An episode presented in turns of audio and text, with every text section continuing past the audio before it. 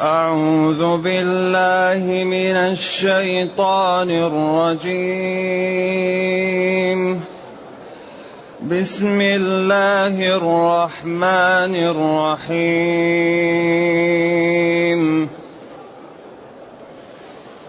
ألم يأن للذين آمنوا أن تخشع قلوبهم لذكر الله؟ ألم يأن للذين آمنوا أن تخشع قلوبهم لذكر الله؟ أن تخشع قلوبهم لذكر الله وما نزل من الحق ولا يكونوا كالذين أوتوا الكتاب من قبل فطال عليهم الأمد فطال عليهم الأمد فقست قلوبهم وكثير منهم فاسقون. اعلموا أن الله يحيي الأرض بعد موتها. قد بينا لكم الآيات. قد بينا لكم الآيات لعلكم تعقلون. إن المصدقين والمصدقات وأقرضوا الله قرضا حسنا يضاعف لهم يضاعف لهم ولهم أجر كريم. والذين آمنوا بالله ورسله أولئك هم الصديقون والشهداء عند ربهم لهم أجرهم ونورهم والذين كفروا وكذبوا بآياتنا أولئك أصحاب الجحيم. اعلموا أنما الحياة الدنيا لعب ولهو وزينة. لعب ولهو وزينة وتفاخر بينكم وتفاخر بينكم وتكاثر في الأموال والأولاد. كمثل غيث أعجب الكفار نباته ثم يهيج فتراه مصفرا ثم يكون حطاما وفي الآخرة عذاب شديد ومغفرة من الله ورضوان. وما الحياة الدنيا إلا متاع الغرور. سابقوا إلى مغفرة من ربكم وجنة. سابقوا إلى مغفرة من ربكم وجنة عرضها كعرض السماء والأرض. وجنة عرضها كعرض السماء والأرض أعدت للذين آمنوا أعدت للذين آمنوا بالله ورسله ذلك فضل الله يؤتيه من يشاء. ذلك فضل الله يؤتيه من يشاء. والله ذو الفضل العظيم. الحمد لله الذي أنزل إلينا أشمل كتاب وأرسل إلينا أفضل الرسل وجعلنا خير أمة أخرجت للناس فله الحمد وله الشكر على هذه النعم العظيمة والآلاء الجسيمة والصلاة والسلام على خير خلق الله وعلى آله وأصحابه ومن اهتدى بهداه أما بعد فإن الله تعالى يقول للصحابة ألم يأن للذين آمنوا أن تخشع قلوبهم لذكر الله؟ يئن يحن وينضج يأتي وقته ناظرين إناه أي نضجة. ألم يأتي وقت. ويأتي الموعد.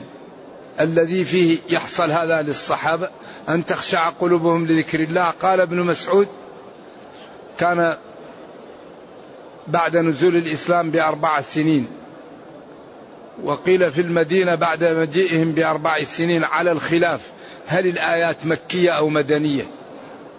لأن هذه الآيات مختلف فيها. يأني من أنا يأني إذا حان وجاء وقته. ألم يأتي وقت ووعد. أن تخشع قلوب هؤلاء الذين نزل عليهم القرآن وسمعوه وقرؤوه لذكر الله وفي ذكر الله قولان. القول الأول أنه القرآن القول الثاني أنه الذكر يعني ذكر الله من سبحان الله والحمد لله ولا إله إلا الله والله أكبر. الأذكار الموجودة أن يذكر الله. وما نزل من الحق. فإذا كان ذكر الله القرآن وما نزل من الحق يكون عطف الشيء على نفسه المين والكذب. الكذب هو المين. فذكر الله هو القرآن. فيكون صفة بعد صفة تعطف عليها. وهي هي. إذا حان وحصل وجاء الوقت الذي فيه تلين قلوب هؤلاء المخاطبون لذكر الله ولما نزل من الحق من أوامر ونواهي وتوحيد لله وعبر وتربية وأخلاق وغير ذلك. قال العلماء لم حرف نفي وجزم وقلب. والاستفهام يدل على النفي في الجملة. فتسلط الاستفهام في أ على لم فنفاها. ونفي النفي إثبات. فأصبح الأسلوب حان حان وجاء الموعد الذي تلين فيه قلوبكم لذكر الله. ألم يأني؟ لأن الاستفهام تسلط على لم ولم تتسلط على المضارع فتجعله ماضيا. لم إذا دخلت على المضارع قلبت المضارع إلى إلى الماضي. حرف نفي وجزم وقلب. حرف نفي لما بعده وجزم تجزم الفعل وقلب تقلب المضارع إلى ماضي. لكن جاء قبل لم الاستفهام. والاستفهام فيه نفي ونفي النفي إثبات. فأصبح الأسلوب حان وحصل وجاء وقت أن تلين قلوبكم لذكر الله سواء قلنا للاستغفار والتهليل والتحميد أو للقرآن وتدبره وتأمله وما نزل فيه من المواعظ ومن الوعد والوعيد والترغيب والترهيب وغير ذلك لأنه كتاب تبيانا لكل شيء. قال ونزلنا عليك الكتاب تبيانا لكل شيء. هذه الكلمة الحقيقة لها معنى عظيم ولها نفع كبير. تبيانا لكل شيء. هذا كلام الله. والله قوله الحق. إذا أي قضية محلولة في القرآن. لأن الله خاطب نبيه في سورة النعم. في سورة النحل. سورة النحل يسميها العلماء سورة النعم أو سورة الامتنان لأن فيها الخيل والبغال والحمير لتركبوها من بين فرث ودم لبنا خالصا سائغا للشاربين. بعدين قال هناك ومن أصوافها وأوبارها وأشعارها يعني من نعم نعم كثيرة فيها. فسموها العلماء سورة النعم أو سورة الامتنان. خاطب نبيه فيها وقال ونزلنا عليك الكتاب تبيانا لكل شيء. إذا أين نذهب؟ أي شيء نحتاجه نبحث عنه في القرآن ونطلعه سواء كان في الاقتصاد أو في الإدارة أو في الأحكام أو في العلاقات أو في الأخلاق أو في الطب. كل شيء. تبيانا لكل شيء. لكن المسلمين عندهم موهبة في تضييع الفرص. المسلمون يضيعوا فرص كثيرة. وإلا هذا الكتاب آية آية آية في الجمال آية في الحسن آية في, في, في, في الروعة. إذا يقول ألم يحن حان وحصل الوقت الذي تلين فيه قلوب هؤلاء المخاطبين. تخشع قلوبهم. الخشوع أصله الطمأنينة والهدوء. وخشعت الأصوات للرحمن. ما تسمع إلا همس. أرض خاشعة إذا كانت مطمئنة هاجدة لا نبات فيها ولا مرعى ولا صوت. قلوبهم أي تخاف وتتعلق بالله وتطمئن وتبتعد عن التفكير فيما لا ينفعها. وما نزل من الحق. وتخشع للذي أنزله الله من الحق في هذا الكتاب. ولذا الحلال بين والحرام بين. وقال في القرآن تلك حدود الله. جاءت في القرآن سبع مرات. أي تلك معالم حدود الله. فلا تتعدوا ما أباح لكم لما حرم عليكم. وأكثر ما جاءت تلك حدود الله فيما يقع في البيوت. لأنه يقع فيها الظلم والناس لا تراه. فتاب عليكم وعفى عنكم إلى أن قال فالآن باشروهن وابتغوا ما كتب الله لكم وكلوا واشربوا حتى يتبين لكم الخيط الأبيض من الخيط الأسود من الفجر ثم أتموا الصيام إلى الليل ولا تباشروهن وأنتم عاكفون في المساجد. تلك حدود الله. أغلب ما جاءت تلك حدود الله فيما يقع في بعد ما يقع في البيوت. لأنه يقع فيها الظلم والمخالفة والناس لا تراه فهذه معالم الحدود. فلا تتعدى ما أحل لك لما حرم عليك. ولا تكونوا أيها المخاطبون من الصحابة. كمثل الذين أوتوا الكتاب التوراة والإنجيل من قبلكم من اليهود والنصارى. ولذلك نهى عن التشبه باليهود والنصارى خالفوا اليهود والنصارى. لأنهم لا يرضوا عن المسلمين إلا إذا تركوا دينهم. ولن ترضى عنك اليهود ولا النصارى حتى تتبع ملتهم. ودوا لو تكفرون كما كفروا فتكونون سواء. ومن يتولهم منكم فإنه منهم. لكن لا نظلمهم ولا نخدعهم ولا نخون إذا عملنا معهم شيء لكن الكافر يتعامل معه المسلم بحذر. لأن الكافر أخبر الله أنه نجس. إنما المشركون نجس. والنجس يتعامل معه المسلم بحذر حتى لا يتنجس.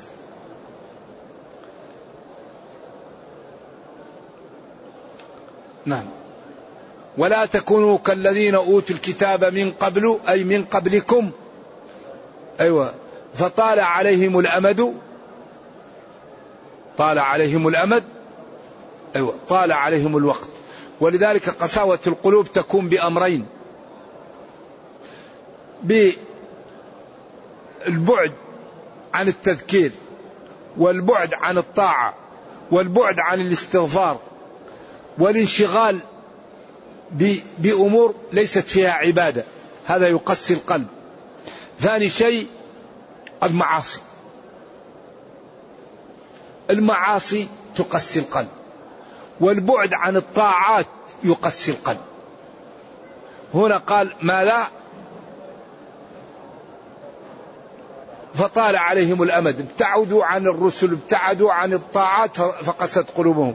وقال هناك في آية المائدة فقست قلوبكم من بعد ذلك ما الذي قبلها؟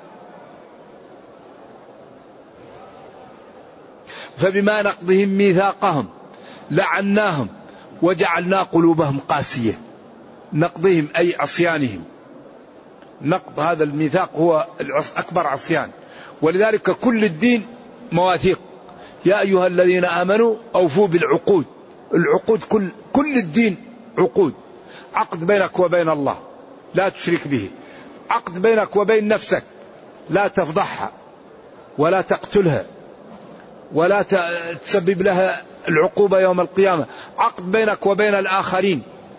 حرمت الظلم بينكم وجعل حرمت الظلم وجعلته بينكم محرما فلا توالموا. إذا العقود كل الشريعة. عقد بينك وبين الله وعقد بينك وبين نفسك وعقد بينك وبين الآخرين. إذا أوفوا بكل العقود. وأولها لا إله إلا الله محمد رسول الله.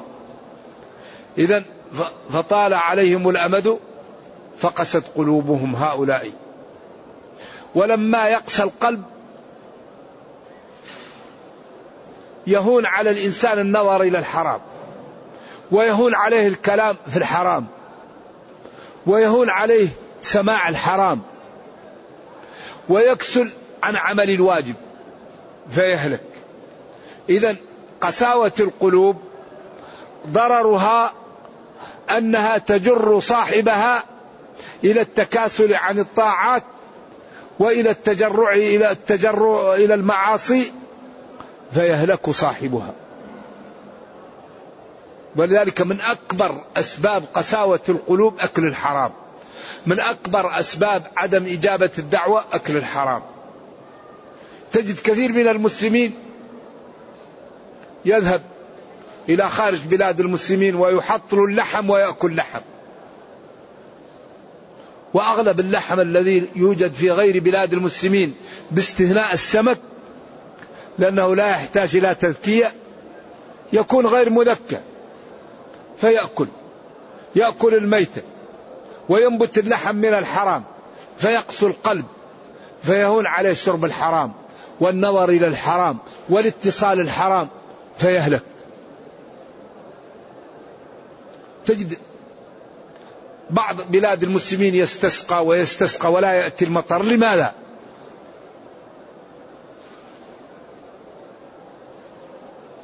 أكبر مشكلة أكل الحرام. أبو بكر كان عنده غلام. ورقى رقية غير شرعية في الجاهلية لناس. وبعد أن جاء الإسلام أعطوه الأجرة فجاء لي أبي بكر منها من شيء وأكله. فقال له هذا لماذا قال هؤلاء عملت لهم رقية في الجاهلية وأعطوني جعل عليه. فاستقى أبو بكر استفرغ. حتى لا ينبت اللحم من هذا الشيء الحرام. وبعدين الجبال من الحصى. فإذا حاسب المسلم لا يقسو قلبه. فإذا كان القلب لين غير قاسي تسهل عليه الطاعة وغض البصر وكف اللسان ومساعدة الأيتام وأن يبر بوالديه ويبقى دائما سهل عليه الطاعة. إذا هي أمور تجر لآخر. كل شيء آخر بحاجز الآخر. لذلك قال قل للمؤمنين يغضوا من أبصارهم. لا تقربوا الزنا. ذروا ما بقي. كل لأن هذه المعاصي هي التي تجرك. المعصية مثل الشركة الإنسان يضع شرك فالمعاصي مثل الشرك. الإنسان إذا وقع في المعصية يقسو قلبه. ثم يقع في أخرى يقسو قلبه. ثم أخرى. بعدين يهلك. لكن من أول إذا ابتعدت خلاص يبقى القلب إيش؟ لين ويبقى يقظ فيحميها الله. ولذلك المعاصي تدعو إلى المعاصي. كما أن الطاعات تدعو إلى الطاعات. وكثير منهم فاسقون خارجون عن طاعة الله. ثم بين خطورة الدنيا. اعلموا أنما الحياة الدنيا. اعلموا أن الله يحيي الأرض بعد موتها. قد بينا لكم الآيات لعلكم تعقلون. اعلموا أيها المخاطبون أن الله قادر. وأن ما قاله صدق. وأكبر دلالة على ذلك إحياء الأرض بعد موتها. إحياء الأرض بعد موتها دلالة على قدرة الله. إذا ما وعد به سينفذه. وما أوعد به سينفذه. فخافوا يا خلق الله من عصيانه وبادروا لطاعته لقدرته الهائلة. هذا دلالة على القدرة والنتيجة. أطيعوا ربكم ولا تعصوه.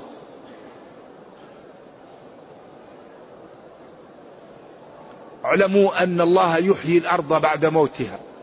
موت الأرض كونها لا نبات فيها ولا ماء ولا مرعى. وإحيائها أن ينبت فيها الأشجار والأزهار والثمار وتكون فيها المياه فتكون حية.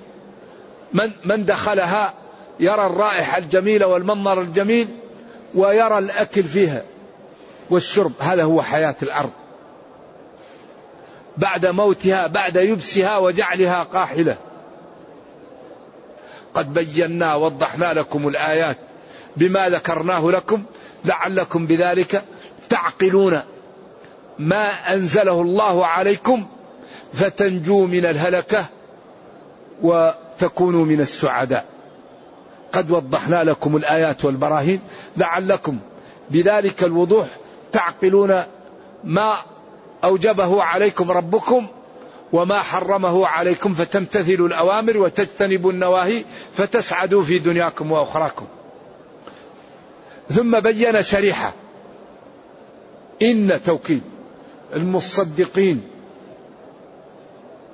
هل هم الذين يتصدقون بأموالهم أو هل هم الذين يصدقون في أقوالهم وأفعالهم؟ والمصدقات. بعدين قال وأقرضوا الله قرضا حسنا. جاء بالمصدقات هنا لأهمية الكلام وأفرد النساء كما قال المؤمنين والمؤمنات وقال من ذكر أو أنثى نعم وأقرضوا الله. هنا عبر القرآن عن الصدقة بالقرض لأن القرض صاحبه ينال ينال الأجر وينال المحمدة من المقرض له ويرد له ما ما ما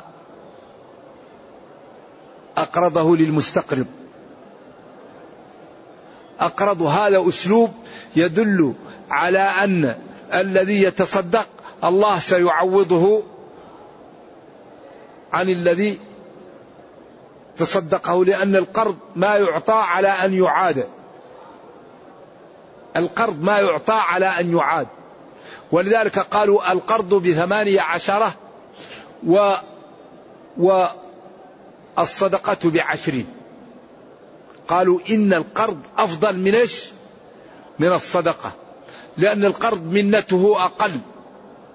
والصدقة فيها المنة وثقيلة على النفس. وخصوصا للفقير. فإذا أعطيت للفقير قرضا أجر 18 وإذا تصدقت عليه بعشر. ذلك نحن نحتاج إلى أن يكون عندنا مراكز للقرض الحسن. الصدقة طيبة لكن يكون فيه مراكز من يريد أن يقرض يقرض من من المسلمين. لأنه أقل منا وتعب وأكثر أجر. وحتى لا يتكل الناس على الصدقة فيبقى ما يشتغل. أما إذا أعطي قرضا فقد ينميه ويرد لصاحب القرض قرضه. فيكون هذا فيه نوع من التشجيع على عدم التواكل. وأقرضوا الله قرضا قرضا حسنا أي ما جمع من حرام ولا عمل لغير سمعة ولا يتبع من ولا أذى. إذا القرض الحسن أن يكون من حلال وأن تكون النفوس خالصة فيه وأن يعطى لمن يحتاجه وأن لا يكون مقصود منه السمعة ولا جاه وإنما هو لأجل إعلاء لقصد الله تعالى. ولذلك الحسن تدل على إباحة المال وإخلاص وإخلاص صاحبه وعدم متابعة ذلك بأذية لمن أسديت له ذلك المعروف. ولذلك المعروف يحتاج أن يسقى. إنسان عمل لشخص معروف ينبغي أن يحافظ على شعوره حتى لا يضيع هذا المعروف.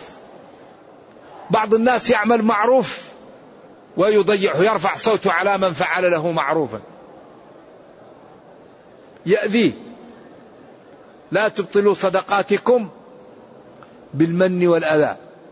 قول معروف ومغفرة خير من صدقة يتبعها أذى. ذلك قال له عندي حدائق ود غرس نعمتكم قد مسها عطش فليسق من غرس. إن الكريم إذا أنشا حدائقه من المروءة أن تسقى وتنحرس. فداركها وفي أغصانها رمق. فلن يعود اخضرار العود إن يبسا. فدائما صاحب المعروف ينبغي أن يسقيه. يسقيه بمعروف بكلام طيب ولا يعمل المعروف ويقطعه. لا لا ينبغي. المعروف يسقى. يسقى بمعروف ثاني ويسقى ويسقى حتى ينبت ويكبر. لذلك المعروف يعني قول معروف. قال وافعلوا الخير. الخير هو المعروف. يضاعف لهم ولهم أجر كريم. يضاعف لهم في الدنيا. أقل شيء عشرة إلى سبعمائة ضعف. إلى ما لا يعلمه إلا الله. ولهم أجر كريم عند الله يوم القيامة. وهو الجنة وما فيها. والذين آمنوا بالله. أركان الإيمان الستة. وأركان الإسلام الخمسة. ورسوله. معصوم فيما يبلغ عن الله لا ينطق عن الهوى. أعطاه الله من الخلق ما لم يعطي لغيره. حتى قال له ربه وإنك لعلى خلق عظيم. أجمل الناس أشجع الناس أصبر الناس أفضل الناس. ذكر له ابن جزي في التسهيل سبعا وعشرين صفة عند قوله تعالى وإنك لعلى خلق عظيم. أولئك هم الصديقون. أي الصادقون حقا لا من ينافق ويكذب. والشهداء عند ربهم فيها قولان. هل الكلام مستأنف أو أولئك هم الصديقون وهم الشهداء عند ربهم؟ هؤلاء. جمعوا بين الصدق والشهادة أو الكلام وقف والشهداء عند ربهم استئناف وهذا اختيار كبير المفسرين بن جرير قال لأن الشهادة أكثر ما تطلق في عرف الشرع على الذي ينال الشهادة. نعم. ويكون هذا استئناف. أولئك هم الصديقون. ثم قال والشهداء عند ربهم لهم أجرهم ونورهم. أو يكون أولئك هم الصديقون والشهداء عند ربهم لأنه قال وكذلك جعلناكم أمة وسطا لتكونوا شهداء على الناس. الرسول عليكم شهيد وأنتم تشهدون على الأمم. فيقولون أنتم بعدنا يقول نبينا أخبرنا وهو لا ينطق عن الهوى. فتقر شهادتهم وتثبت. لهم أجرهم عند الله كاملا ونورهم. أيوة. أجرهم عند الله مما أعطاهم ونورهم في وجوههم أو في كتبهم على ما ذكر.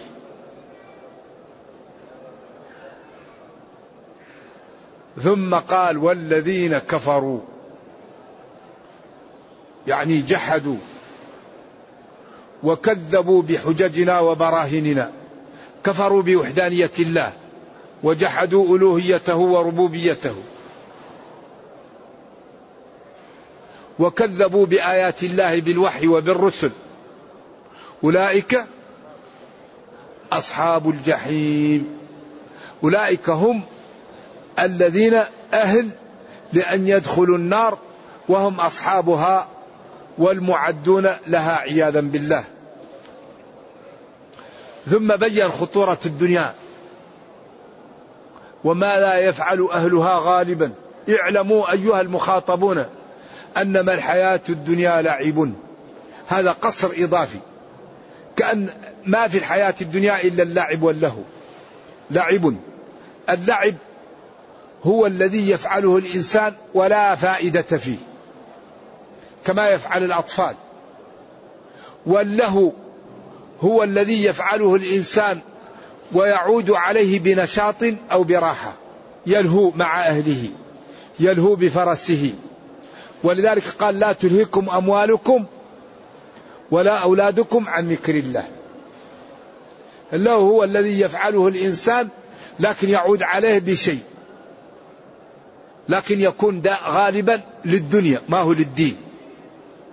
أما اللعب لا فائدة فيه. لا تلهكم أموالكم ولا أولادكم إنما الحياة الدنيا لعب ولهون وزينة. ثياب وبيوت ومراكب وستائر زينة وتفاخر بينكم. عندك حديقة عندي حديقتان. عندك مركبة عندي مركبتان. تفاخر. أنت بن فلان أنا بن فلان. وتكاثر في الأموال والأولاد. إذا الحياة الدنيا لعب وله وزينة وتفاخر بينكم وتكاثر في الأموال والأولاد. هذا أغلب الناس هكذا. ولكن هذا الذي تفعلونه وتشتغلون به زواله وسرعة انتقاله كسرعة غيث أعجب الكفار الزراع أو الكفار لتعلقهم بالدنيا. قولان في الكفار. قيل الزراع وهذا قول الجمهور. وقيل هنا الكفار لأنهم يتعلقون بالدنيا ولا يبالون بغيرها فيعجبهم ما فيها. نباته. وقوله الزراع أقوى لقوله نباته لأنهم هم الذين يعرفون النبات الجيد. ثم يهيج يطول أو ييبس فتراه مصفرا ثم يكون حطاما.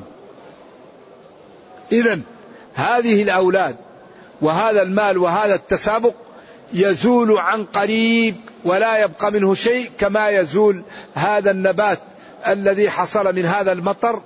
فجف المطر ونشف النبات ثم تحطم وجاءته الدواب وذرته الريح ولم يبقى له شيء. وفي الآخرة عذاب شديد لمن كفر. ومغفرة من الله ورضوان لمن أطاع الله.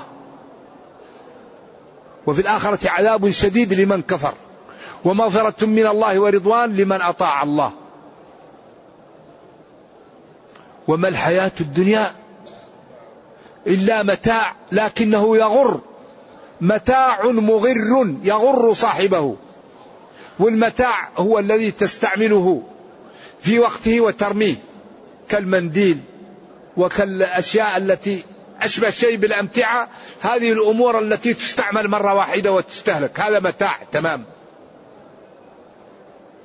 متاع الغرور. متاع ولكنه يغر من لم يتعقل ولم يتنبه فيقع في الهلك. هنا إذا ما الحل؟ ما الحل إذا يا أحبة؟ ما دامت الحياة الدنيا هذه هي ما الحل؟ سابقوا إلى مغفرة من ربكم. كل جملة في القرآن آخذ بحجز الجملة التي بعدها. ولكن ينبغي أن نتدبر القرآن. كتاب أنزلناه إليك مبارك ليدبروا آياته. وأنزلنا إليكم نورا مبينا. ما دامت الحياة الدنيا هكذا. طيب ما الحل؟ كيف يفعل الإنسان؟ سابقوا إلى مغفرة من ربكم سابقوا. المسابقة يجريان إلى مغفرة من ربكم رحمة عزة كرامة من ربكم وجنة عرضها كعرض السماء والأرض. السماء جعلت كل سماء ورا سماء وكل أرض ورا أرض عرض عرض هذه الجنة مثل هذا أما طولها لا يعلمه إلا الله. إذا كان عرضها مثل السماء والأرض مقرونة ببعض فكيف يكون طولها. ودائما الطول أكثر من العرض. أعدت للذين آمنوا بالله ورسله. وهيئت هذه الجنة وهذا يدل على أن الجنة موجودة الآن. ذلك فضل الله. ذلك وهو دخول الجنة فضل الله. يؤتيه هذا الفضل لمن يشاء. والله جل وعلا صاحب الفضل العظيم العميم هل بعد هذا بقي عذر؟ هل بعد هذا يتشاغل الإنسان بالدنيا عن طاعة الله؟ يتشاغل بالشهوة عن طاعة الله؟ يتشاغل بالأولاد عن طاعة الله؟ لا عذر لنا بعد هذا. نرجو الله جل وعلا أن يرينا الحق حقا ويرزقنا اتباعه وأن يرينا الباطل باطلا ويرزقنا اجتنابه وأن لا يجعل الأمر ملتبسا علينا فنضل. اللهم ربنا أتنا في الدنيا حسنة وفي الآخرة حسنة وقنا عذاب النار. اللهم اختم بالسعادة آجالنا واقرم بالعافية غدونا وآصالنا واجعل إلى جنتك مصيرنا ومآلنا. سبحان ربك رب العزة عما يصفون وسلام على المرسلين والحمد لله رب العالمين. وصلى الله وسلم وبارك على نبينا محمد وعلى آله وصحبه. والسلام عليكم ورحمة الله وبركاته.